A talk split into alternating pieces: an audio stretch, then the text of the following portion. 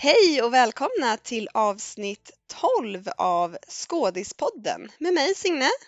Och med mig Mina. Hur är läget Mina? Det är bra, bara bra. Jag jobbar på här. Ehm, lite, som jag pratade med dig häromdagen, så här, då hade jag ju lite ångest huruvida jag skulle skicka in en self-tape eller inte. Just det, gjorde du Ja. det? Jag gjorde inte det. Nej, du gjorde inte det. Kan du inte berätta eh, bara vad, vad situationen var? nej men det var, jag fick en förfrågan om self-tape och jag vet inte varför men jag har en förmåga att varenda gång som jag ska åka bort eh, då är det alltid någon rollsättare som hör av sig och säger hej Ja. kan du skicka in där när man inte är hemma och inte kommer vara hemma på några dagar. Jag vet inte varför det alltid liksom infaller med varenda liksom semester eller att man är bortrest. Så um, jag var på väg till Härnösand så, så fick jag en förfrågan om self-tape. Ehm, och då tänkte jag att ja, men jag får se hur jag gör. Om jag ska skicka in den eller inte. Jag tänkte först att ja, men det, det gör jag. Men sen så kändes det var så mycket man skulle, det var många olika så här, scener, det var ganska mycket så här, förberedelse och det var så här, tydliga instruktioner att så här, filma i 45 gradig vinkel och sätta på den här musiken och ja. Ganska, Ganska avancerat liksom. ja, men ganska avancerat, ingenting som man här, drar av bara på en kvart och så är det klart. Ehm, och ju längre tiden gick där och, och deadline närmade sig, eh, då hann jag komma hem och jag skulle skicka in det senast på måndagen och så kom jag hem på, på söndag kväll. Ehm, och sen så kände jag bara så här, nej alltså jag tycker inte att det är så kul. Jag vill inte, alltså Nej. det är inte värt att göra det och lägga ner liksom den här tiden och förbereda och klippa ihop och när jag inte känner mig egentligen så tillräckligt motiverad för det här jobbet. Nej, om du inte var så sugen på själva jobbet så kanske det inte är värt att lägga all den tiden på att skicka in Nej. en self-tape. Men det är så intressant också, jag försöker analysera mig själv lite grann här, men, men om det här hade varit för, för några år sedan när jag ändå jobbade som skådespelare, då hade jag ju aldrig gjort det här. Alltså det hade liksom aldrig någonsin inträffat. Så att det känns som att jag börjar komma kanske lite så längre ifrån det också. Att nej men, jag har ju faktiskt ett annat liv nu. Jag har ett annat jobb som jag tycker är jättekul och Du menar du hade aldrig tackat nej till att skicka in en self-tape för några år sedan? nej, Liksom? nej. Nej. Jag hade inte tackat nej till det här jobbet till exempel. Det hade jag absolut inte gjort. nej. Nej. Men känner du dig ledsen över det? Att det känns som att du har kommit längre ifrån skådespeleriet? Ehm, ja, men lite både och skulle jag säga. På ett sätt är det ju lite så här, men vad tråkigt för jag älskar ju ändå skådespeleri och jag älskar på något sätt mig själv i det. Alltså Mm. förstår du hur man liksom ser på sig själv? Och nu så ser jag inte på mig själv att jag är skådespelare på det sättet längre. Nej. Så det är ju, och det känns ju lite tråkigt. Ja. Men också som du sa för eh, ett par avsnitt sedan och som vi säkert har sagt flera gånger så bara för att det är så just nu så betyder ju inte det att du inte kan komma tillbaka. Nej, Liksom. Jag menar om ett år eller fem år eller 20 år då kan ju du börja hålla på med det här på heltid igen. mm. ja men så är det ju. Men jag tänker också, kan det inte vara en liten lättnad att känna att wow, ditt liv som du har utanför skådespeleriet är så värdefullt att du ändå väljer att investera så pass mycket tid i det istället för att spendera en hel dag med att klippa ihop en self-tape för något som du kanske inte jättegärna vill ha ändå. Mm. Jo men verkligen så är det. Ja Signe du får bli min terapeut, ska alltid ringa till dig.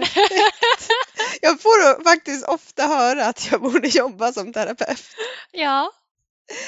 Men, eh, nej men jag tycker, eh, som jag sa häromdagen när du eh, hörde av dig och frågade om hur du skulle göra, så jag tycker det var bra att du gick på magkänsla. Mm. Ja men det gjorde jag. Det var bra. Bra jobbat. Bra jobbat. Men det är inte det vi ska prata om idag. Nej, det är det inte. Nu ska vi prata om ehm, Lite Ekonomi. tråkigare saker. Exakt. Eh, ja men faktiskt, vi ska ju prata om lite mer konkreta saker kring hur den ekonomiska biten fungerar när man arbetar frilans som skådespelare. Mm. Eller generellt inom olika typer av eh, artistiska yrken. Det fungerar kanske ganska lika tänker jag om man jobbar på andra sätt. Mm. Ja men så är det ju. Så det kanske låter tråkigt för en del men det kommer bli så otroligt roligt avsnitt. ja, jag tycker faktiskt att det ska bli rätt intressant för eh, jag behöver fortfarande lära mig massa om det här. Ja, ja men samma. Men så det det handlar om är ju egentligen att starta ett eget företag för att kunna fakturera för det arbetet man gör som frilans skådespelare. Mm. Precis, och det finns ju lite olika företagsformer eller bolagsformer som man kan välja emellan. Jag tror att den allra vanligaste och som liksom både du och jag har, eller jag har ju precis avvecklat min, men det är ju enskild firma. Mm, precis. Vilket dels är väldigt enkelt att starta upp för det, det kostar ju ingenting heller att starta en enskild firma. Sen så finns det någonting som heter aktiebolag. Men då behöver man gå in med ett eget kapital på 25 000. Ehm, och sen finns det handelsbolag som man kan starta. Mm. Men oavsett eh, vilken företagsform man väljer så kan man i alla de här tre företagsformerna anställa andra personer om man skulle behöva det. Till exempel för en produktion så kan man ha anställda även i enskild firma. Så kan man ha det. Just det, men vi kanske ska eh, lite snabbt bara beta av skillnaderna mellan eh, de här tre företagsformerna. Mm. Ehm, för det första som du nämnde var ju som sagt enskild firma, vilket är det du och jag har, eh, eller jag har och du har haft, eh, och det vanligaste Mm. och enklaste. Ehm, och där går man ju som, som eh, titeln avslöjar in som egen person och startar en firma i sitt eget namn. Mm. Alltså man är Eh, själv ansvarig över den liksom firman och firmans ekonomi. Personligt ansvarig. Precis, exakt. Och det är du som står registrerad då på alla bolag till exempel och sådär. Och det kostar ju som sagt ingenting. Eh, Du behöver inte gå in med någon form av kapital ehm, utan du registrerar dig.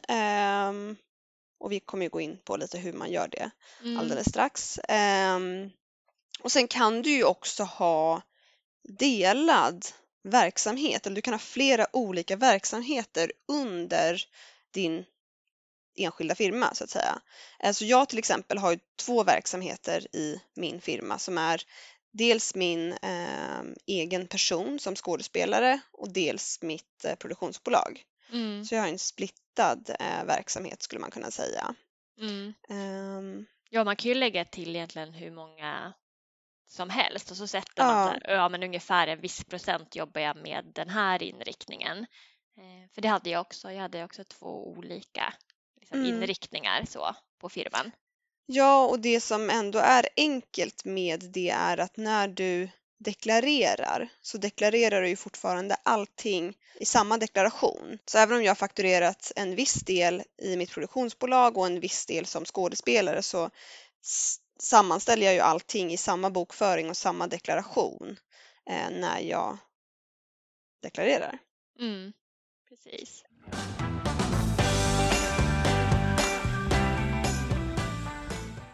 Sen har vi det här med aktiebolag. Mm. Och det, jag tror att så här, fördelen med aktiebolag det är att då är man inte så här personligt eh, ansvarig utan det är aktiebolaget som är ansvarigt över eh, tillgångar. Till exempel om man skulle gå i konkurs och inte kan betala fakturorna så, så är det aktiebolaget och inte liksom du Signe som är ansvarig. Eh, sen vet inte jag om man behöver direkt aktiebolag om man är helt själv för att det, det som man behöver med aktiebolag det är ju att man har en ordförande och två ledamöter också som, eh, som står med. Eh, Även om det är du som har startat aktiebolaget och går in med liksom 25 000 i startkapital så behöver man en ordförande och två ledamöter. Exakt. Och den här summan har ju också, kanske vi ska sticka in, har ju ändrats. Förut så behövde man gå in med 50 000 Ja, och det har de ju för bara några år sedan sänkt till 25 000. Mm. som man behöver gå in med som kapital i bolaget för att kunna starta ett aktiebolag. Precis. Jag har faktiskt haft aktiebolag också. Eh, tillsammans med mitt ex och det tog ju liksom en evighet att eh, avveckla det sen. Mm. När vi skulle avveckla det så tog det typ flera år. Det, är så Vad här- var det för aktiebolag då? Ehm, det var, vi sålde så här smycken. Ah, Okej, så det hade inte att göra med din artistiska... Nej, för då hade jag min så. enskilda firma eh, för mitt artisteri och sen hade vi aktiebolaget för den verksamheten. Då. Mm. Sen så har vi handelsbolag. Ehm, jag kan inte så mycket om handelsbolag men det är ju, där är man också själv liksom personligt ansvarig. Eller de som är med i handelsbolaget är de som är ansvariga. Till skillnad från aktiebolaget. Då. Mm. Ja, jag vet faktiskt ingen skådespelare som har ett handelsbolag.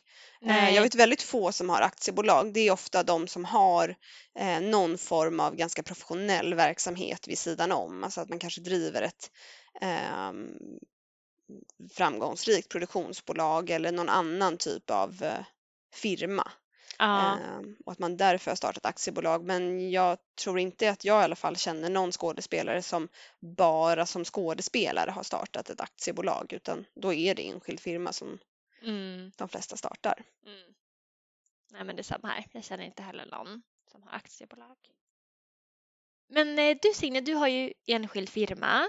Ehm, när startade du den? Eller liksom, hur kom det sig att du kom på att så här, det här behöver jag göra eller det här vill jag, vill jag göra? Eh, det är en bra fråga. Jag tror att jag startade den, vad kan det vara, kanske sex år sedan, fem år sedan, sex år sedan. Mm. Ehm, och det var mina föräldrar som uppmuntrade mig till det. Båda mina föräldrar har haft enskilda ehm, firmor och sådär för helt andra saker och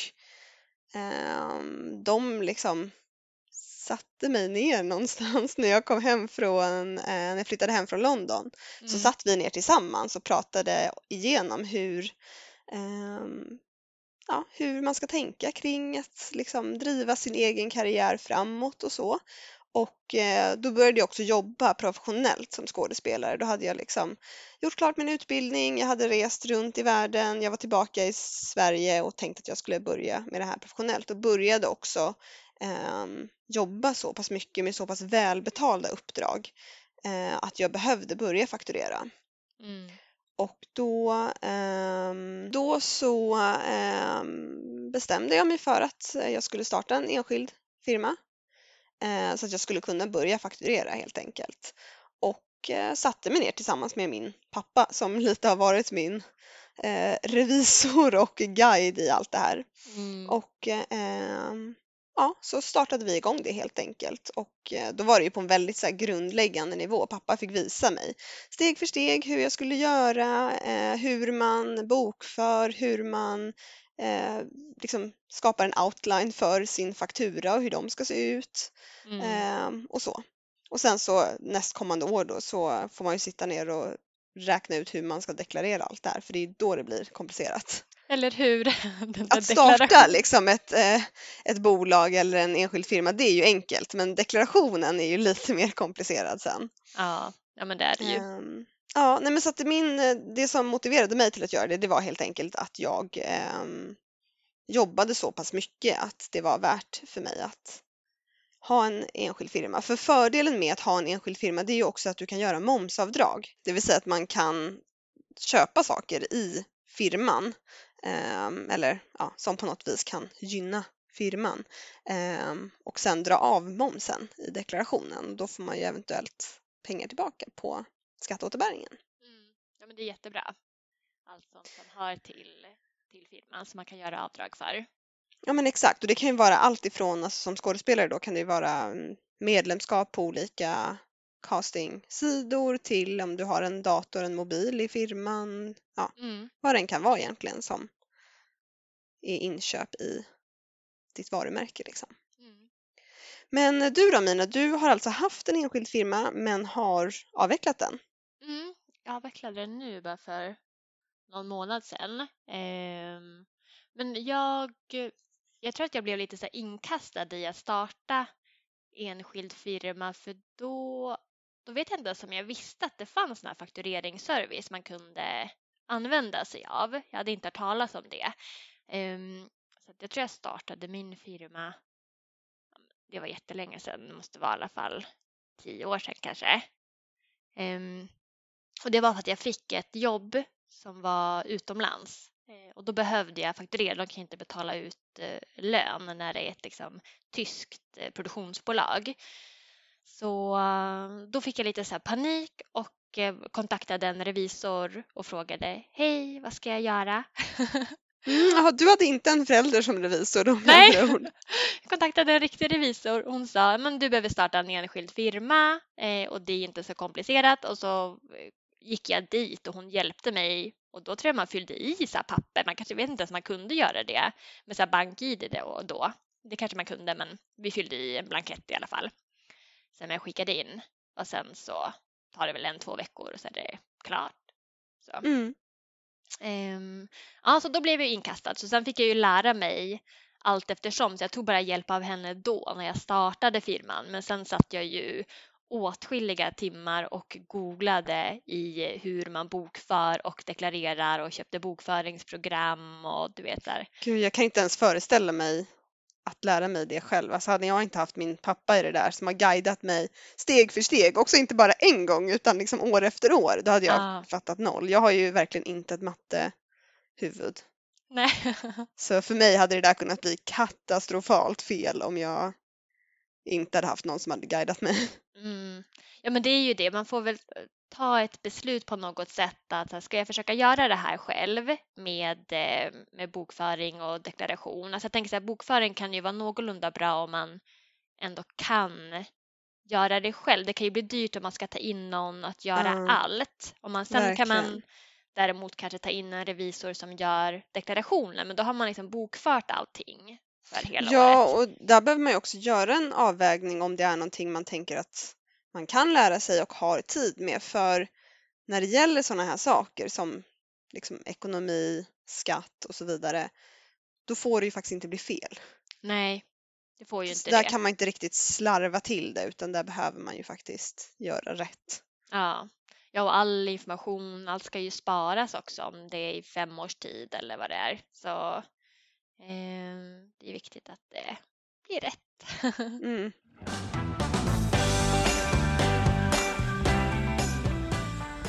Men du har alltså valt att avveckla din. Hur kommer det sig? Mm, nej men det är för att jag inte fakturerar. Jag använder inte firman eh, alls så mycket längre. Och även fast man inte gör det så måste man ändå sitta med den där deklarationen varje år och, och momsdeklarera och sådär. Så det, även om det går liksom relativt fort för att jag inte har liksom bokfört så mycket i firman så, så är det ju ändå ett, ett jobb som man gör. Um, och då kände jag så här, nej men jag behöver inte firman nu. Ehm. Nej, lite inline med det du berättade tidigare. Eller att hur? du någonstans har tagit ett steg bort från skådespelarverksamheten. Ja, fast nu börjar jag tänka här de senaste dagarna, jag bara, men nu har ju vi våran podd och vi ska ju hyra in oss på en studio. Mm. Eh, så jag kanske ska öppna firman igen. Ja, exakt. Så jag får se. Jag tror att det är inom ett år så kan man börja öppna upp samma igen direkt. Ja. Mm, måste inte starta en ny. Men jag tänkte, eh, ska vi lite snabbt bara dra igenom hur man faktiskt gör? Vi behöver inte gå in på några detaljer egentligen, för det kan man ju faktiskt läsa sig till och vi är kanske inte helt rätt personer att guida i detalj. Mm. Men jag tänkte att vi kanske snabbt bara skulle dra igenom steg för steg hur man gör om man vill starta ett eh, bolag i någon mm. form. Mm. Eh, och det första är ju då att välja bolagsform, alltså att man väljer om man ska ha ett aktiebolag eller enskild firma och så vidare. Eh, och när man har gjort det så ehm, kan man ju då registrera ett företagsnamn Eh, ofta om man, om man inte gör det, eller man, ska säga, om man har en enskild firma, så registreras det ju i ens eget namn och mm. organisationsnumret blir då ens personnummer om man startar en e enskild firma. Eh, och sen så går man till verksamt.se där också all guidning kring hur man startar ett företag finns. Mm. Både i liksom videoform och i ja, skriftlig punktform mer eller mindre. Den är så bra den sidan. Alltså, Ja, den är så fantastisk. pedagogisk. Ja, men verkligen.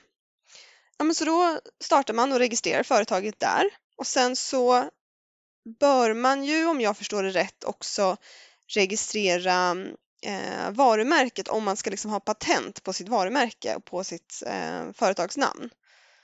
Så behöver man ju ansöka om det.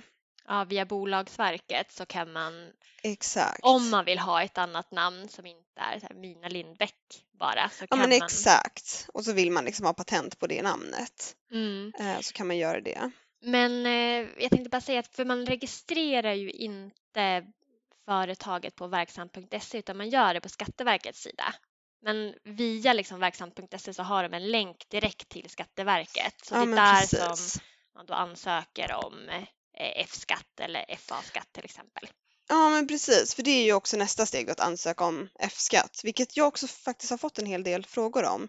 Eh, och det handlar ju egentligen om att du ska godkännas liksom att själv hantera inbetalning av skatt och sociala avgifter och så. För när du får ett, en lön från ett företag, om du är anställd, då är det ju företaget som betalar in skatt och sociala avgifter och så, vilket är varför du ser att det är avdraget på din lönespec. Mm. Men om du ansöker om F-skatt så är det ju du själv som ansvarar för att göra det. Mm. Och jag tror att där är det också så otroligt viktigt, på tal om att saker inte får bli fel. När man är godkänd för F-skatt till exempel, då behöver man ju också tänka på att allting man fakturerar, där behöver man ju lägga undan det som ska betalas in i skatt och sociala avgifter. För det gör du ju inte i samband med att du fakturerar för ett arbete du har gjort, utan det gör du ju sen i deklarationen. Mm. Och om du då fakturerar 15 000 och tar ut 15 000 i lön, Mm. då har inte du någonting kvar att betala in i skatt och sociala avgifter. Det tror jag var liksom det första och kanske viktigaste jag lärde mig med att starta enskild firma, att du måste lägga undan de här eh, pengarna för att du måste kunna betala in dem sen. Mm. Ja men precis, jag tycker ett bra tips är att bara starta ett till konto via sin bank. Alltså inte ett företagskonto, det behöver man ju inte ha, utan bara via sin egna liksom, privata bank så öppnar man ett till konto och namnger det till företagsskatt eller vad man nu Mm. vill. Så kan man direkt när man fakturerar och har fått in de pengarna så för man över ungefär det man vet ska, ska betalas in i skatt. Precis, och det kan man ju räkna ut tror jag till och med på verksamt.se hur, alltså procentuellt hur mycket man Ja. kommer att behöva betala in. ja. Men så att man inte sitter där liksom i, vad är det, maj, april Mm. med en inbetalning på 40 000 och så har du inte de pengarna för då blir det svårt. Det blir lite tråkigt. Ja. Ja. Mm. Eh, nej så det är eh, superviktigt. Eh, och där också sen på eh, när man i samband med att man ansöker om F-skatt så anmäler man sig också för moms så att man kan göra momsavdrag och så. Mm. Ehm, ja, sen finns det ju tusen miljarder andra saker man kan göra också eh, beroende på vad man ska driva för företagsverksamhet. Mm. Eh, men det är väl liksom grundstegen. Ja, inte så komplicerat ändå. Nej, och som sagt det finns ju jättebra guidning online. Men om man inte väljer att starta en enskild firma eller ett aktiebolag så kan man ju faktiskt fortfarande ta uppdrag där man behöver fakturera men då använda sig av en faktureringstjänst online. Mm. Ehm, Det finns ju jättemånga faktureringstjänster för artister som man kan använda sig av. Eh, Och då gör ju de allting åt en. Så då meddelar man ju dem ehm, ja, de uppgifter som man har fått från produktionsbolaget till exempel eh, och vad det är som ska faktureras och så. Och sen gör de alla avdrag och så åt en om jag förstår det rätt och betalar ut arvodet direkt till en själv. Ja, precis. Så då slipper de- man ju hela den där ehm, ja, deklarationen, bokföring och så vidare utan då gör de det åt en. Men de tar ju också ut såklart då en procent av eh, det fakturerade beloppet Mm. ehm, för, för arbetet som de gör.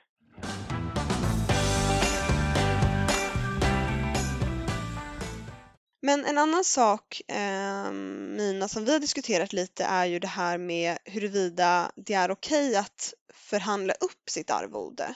Mm. Alltså om eh, till exempel produktionsbolaget då erbjuder ett arvode, om, Mm. man, om man inte är nöjd med det.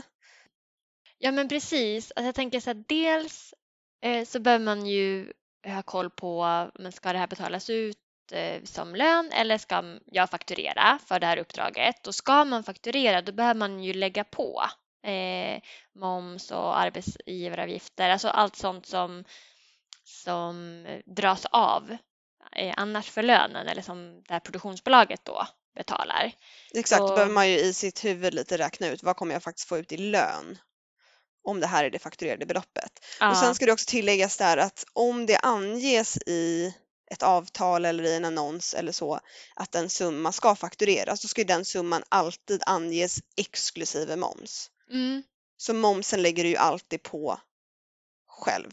Man ska ju aldrig ange en summa inklusive moms. nej, nej men precis, det är jättebra att veta. Och momsen är ju på 25 procent eh, oftast för Ja. skådespelare. Så man brukar ju säga kanske att om man ska fakturera så bör man lägga på i alla fall 50 procent eh, för att det ska vara likvärdigt då, med att man får det som lön.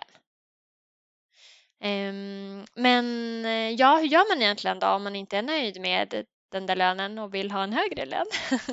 Eh, jag har faktiskt handen på hjärtat aldrig gjort det. Jag har aldrig förhandlat eh, lön för ett skådespelaruppdrag. Nej. Eh, utan jag har tackat nej om, det är, om jag inte är nöjd med arvodet. Mm. Eh, så. Ja, Eh, jag- För ofta när jag söker uppdrag så har jag också godkänt att jag är okej med arvodet. Mm. Ehm, Men ehm, det man alltid ska göra är ju faktiskt också att kolla att arvodet eh, stämmer överens med ens ehm, fackförbunds riktlinjer. Men till exempel, jag är ju medlem i ehm, Teaterförbundet, eller det som numera heter Fackförbundet Scen och Film. Mm. Och de har ju satta minimilöner för artister. Ja. Eh, Så det man alltid kan göra om man känner sig osäker det är ju faktiskt att gå in på, ehm, på deras sida. Det kan man göra även om man inte är medlem. Mm. Eh, Och kolla att det, den lönen man erbjuds överensstämmer med deras minimilöner. Mm. Ja men det tycker Det jag är jättebra. Det har jag gjort ändå flera gånger för de ehm, eh, bolag eller där de inte har förmedlat att det här är arvodet utan att de har sagt att de inte är lön enligt överenskommelse. Ehm, då tycker jag att det är väldigt många som, som bara säger så här, men vad vill du ha betalt? Och så har man inga riktlinjer alls. Bara, "Jaha, vad Nej. vill jag ha betalt? Jag det är men verkligen. jättesvårt att säga från ingenting när man inte vet vad de tycker är rimligt heller. Nej, jag tänker det gör man väl oavsett om man jobbar som skådespelare eller med något helt annat så brukar man ju faktiskt alltid kolla vad är minimilönen för den typen av anställning eller den typen av tjänst som jag bidrar med. Mm, Ehm, och det finns jättetydligt på fackförbundet Scen och Films hemsida. ja. Också inte bara för skådespelare utan egentligen för alla inom underhållningsindustrin. Mm. Så det kan man ju utgå ifrån. Men eh, du Mina har väl faktiskt förhandlat kring Mm. lön? Ja men det har jag ändå relativt många gånger så har jag gjort det. Så dels de jobben jag har gjort till exempel där jag inte har fått några riktlinjer alls, men då har jag ju gått enligt liksom Teaterförbundet och sen lagt mig lite, kanske lite högre beroende på vad det är för, för produktion. Ehm, för, eller nej det heter ju inte Teaterförbundet, Fackförbundet Scen och Film. Det är så svårt att lära om hjärnan. Ja, det var ju faktiskt jättenyligen de bytte namn. Så. Ja, men för där är det ju liksom som sagt minimilönerna som står så att man måste ju inte sätta exakt dem när man ska förhandla. Man kan ju lägga sig högre och så får produktionsbolaget ta ställning till om de är villiga att betala det eller inte. Ehm, så dels har jag gjort det och dels har jag blivit erbjuden att ja, men det här är det vi kan erbjuda dig. Och så ska man återkomma mm, och godkänna det och då har jag förhandlat upp eh, lönen. Då. Så, men det, jag tycker ändå att de flesta är eh, Alltså det är ingenting konstigt med att förhandla upp sin lön. Jag skulle säga att i de fallen där det däremot står väldigt tydligt att så här, jag söker till ett jobb eller de informerar mig redan från början innan jag eh, går på provfilmning att det här är det som arvodet är. Är du okej med det? Ehm, och jag har godkänt det, då är det inte så bra att försöka förhandla upp lönen. Nej, precis. Jag tror att det är de situationerna jag faktiskt har varit i liksom 90% av gångerna. Att jag liksom skriftligen till och med ofta, det kan man ju göra på en, en casting eller redan när man söker ett jobb, att man skriftligen godkänner Mm, arvodet. mm, Eh, och som sagt, har man gjort det då är det ju inte riktigt passande att börja förhandla efter det. nej, Ehm, Däremot kanske när jag har jobbat som produktionsassistent, då är det ju lite vanligare att ehm, produktionen frågar vad är ditt liksom, arvode eller vad tar du för den här typen av arbete? Och då har jag ju också fått förhandla lite kring det. mm, Och jag tycker att det har varit superenkelt. Nu kanske jag har haft turen att jobba med väldigt ehm, professionella och, och liksom, fina produktionsbolag. Ehm, men jag tycker att det har varit alltid jättevälkommet att föra en dialog om det.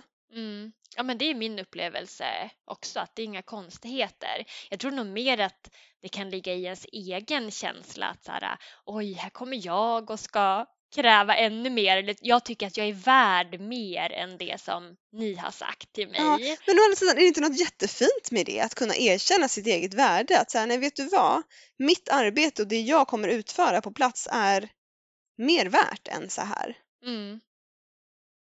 Ja, Det tycker jag är- definitivt. Det, det är fint att ha den självkänslan lite. Mm.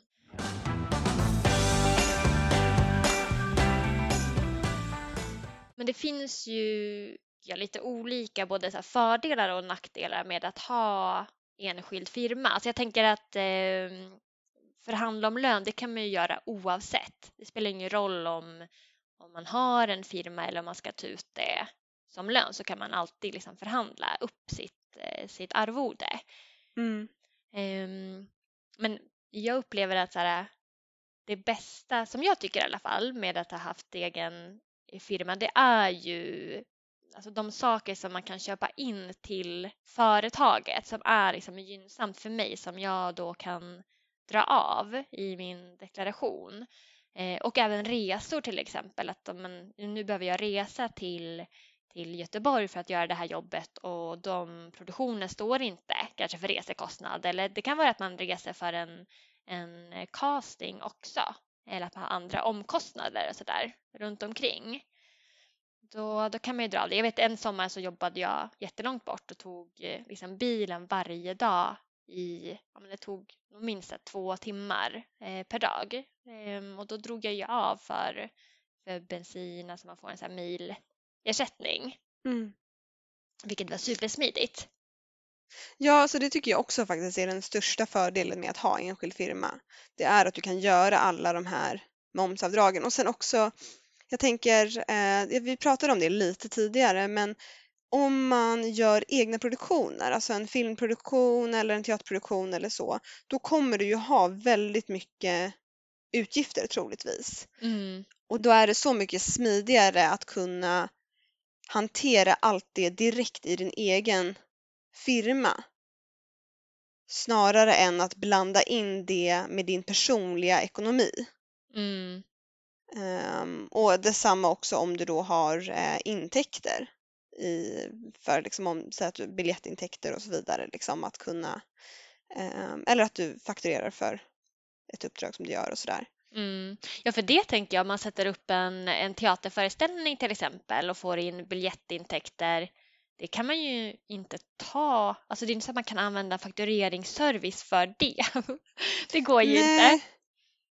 Och jag tänker också, jobbar du ganska mycket som skådespelare och att du fakturerar åtminstone liksom, jag skulle säga fakturerar du åtminstone en gång i månaden, ehm, då blir det liksom så mycket enklare om du har en egen, en enskild firma. Mm. Ja, men jag håller med. Mm. För mig är nog, alltså om det ska finnas någon nackdel, då är det ju bara det att eh, det är mycket att sätta sig in i. Alltså det är Ja. att lära sig. Ehm, och jag vet inte hur många timmar jag spenderat på att lära mig just hur jag deklarerar och med momsdeklarationen och sen i alla fall i början till nästa år, då hade jag glömt bort det igen och fick jag sätta mig 100 igen. procent! Verkligen. Alltså jag har ju deklarerat nu i så många år. Ehm, och varenda år så måste jag liksom lära om. Mm. För jag glömmer. Eh, och, och det skulle jag också säga är nackdelen just det här för bokföringen om du fakturerar väldigt mycket, om du har väldigt mycket utgifter och väldigt mycket intäkter, då blir bokföringen ganska omfattande. Eh, sen liksom själva deklarationen du gör på Skatteverket, där blir det ju relativt enkelt när du liksom redan har koll på din bokföring. Mm. Men om du sitter med din bokföring så då är det ganska många timmar du Mm. behöver lägga på det Mm. eh, skulle jag säga. Men ehm, ja, det är väl nackdelen men också jag tycker att kanske fördelarna i mitt fall i alla fall väger upp för det arbetet. Ja. Ja och en annan sak som kan vara bra att vara medveten om, eller som jag blev medveten om, det är ju att jag kunde inte ta ut eh, liksom a-kassa. eller om man behöver ta ut a-kassa och man kanske ändå har några jobb som man får in via firman, att det inte är helt liksom, dött, då blir det helt otroligt komplicerat. Man behöver liksom sätta sin firma som, som vilande om man ska ta ut a-kassa om man är arbetslös till exempel. Så Mm. där kan det ju vara en nackdel. Mm, mm. Ja, men eh, man får bestämma själv. ja, men man får sätta sig in, man kan läsa på verksamt.se. Det är ju superbra och fundera på vad som passar bäst för en själv. Verkligen. Och har man jättemycket som man fakturerar och som man verkligen arbetar professionellt som skådespelare på heltid, då kanske man faktiskt har råd att anställa någon som hjälper en med bokföring och så vidare. Ja, Det gör ju alla stora bolag och sådär. Det är inte någon VD som sitter och bokför. nej. nej, och det är inte alltid som det är så dyrt heller, för det beror ju på hur mycket jobb de lägger ner. Ofta så, så tar ju de betalt per, per timme som det tar dem att göra det här jobbet. Mm. Så, Säg inte det högt, då kommer min pappa börja ta betalt. ja, man kan börja, börja med det kanske då. Exakt. Ja. Nej, men jag hoppas att vi har eh, rätt ut några av de här mm, kanske lite komplicerade delarna som många har frågor om. Mm. Det tänker jag att vi har gjort. Ja. Mm. Ja, och nästa avsnitt som vi spelar in, då sitter vi ju inte så här på distans. Nej, då kommer vi äntligen sitta i våra nya poddstudio. Yay! Ja, det ska bli så Yay! kul. Ja, jag är otroligt taggad. Det Mm. ska bli jätteroligt eh, att få börja spela in i en professionell studio. Mm. Hörrni ni, supertack till alla som har lyssnat, eh, till alla som fortsätter att lyssna vecka efter vecka. Eh, vi är så glada att ha er med på den här resan. Eh, fortsätt att höra av er och ställa frågor. Kontakta oss gärna som ni gör på eh, DMs på Instagram, Skadispodden heter vi där. Men ni kan också som sagt eh, nå oss på våran Gmail. Skadispodden at gmail.com om ni inte är Instagram-personer. Mm. Ha det så bra så länge så hörs vi nästa vecka. Det gör vi. Tack för idag. Hej då! Hej!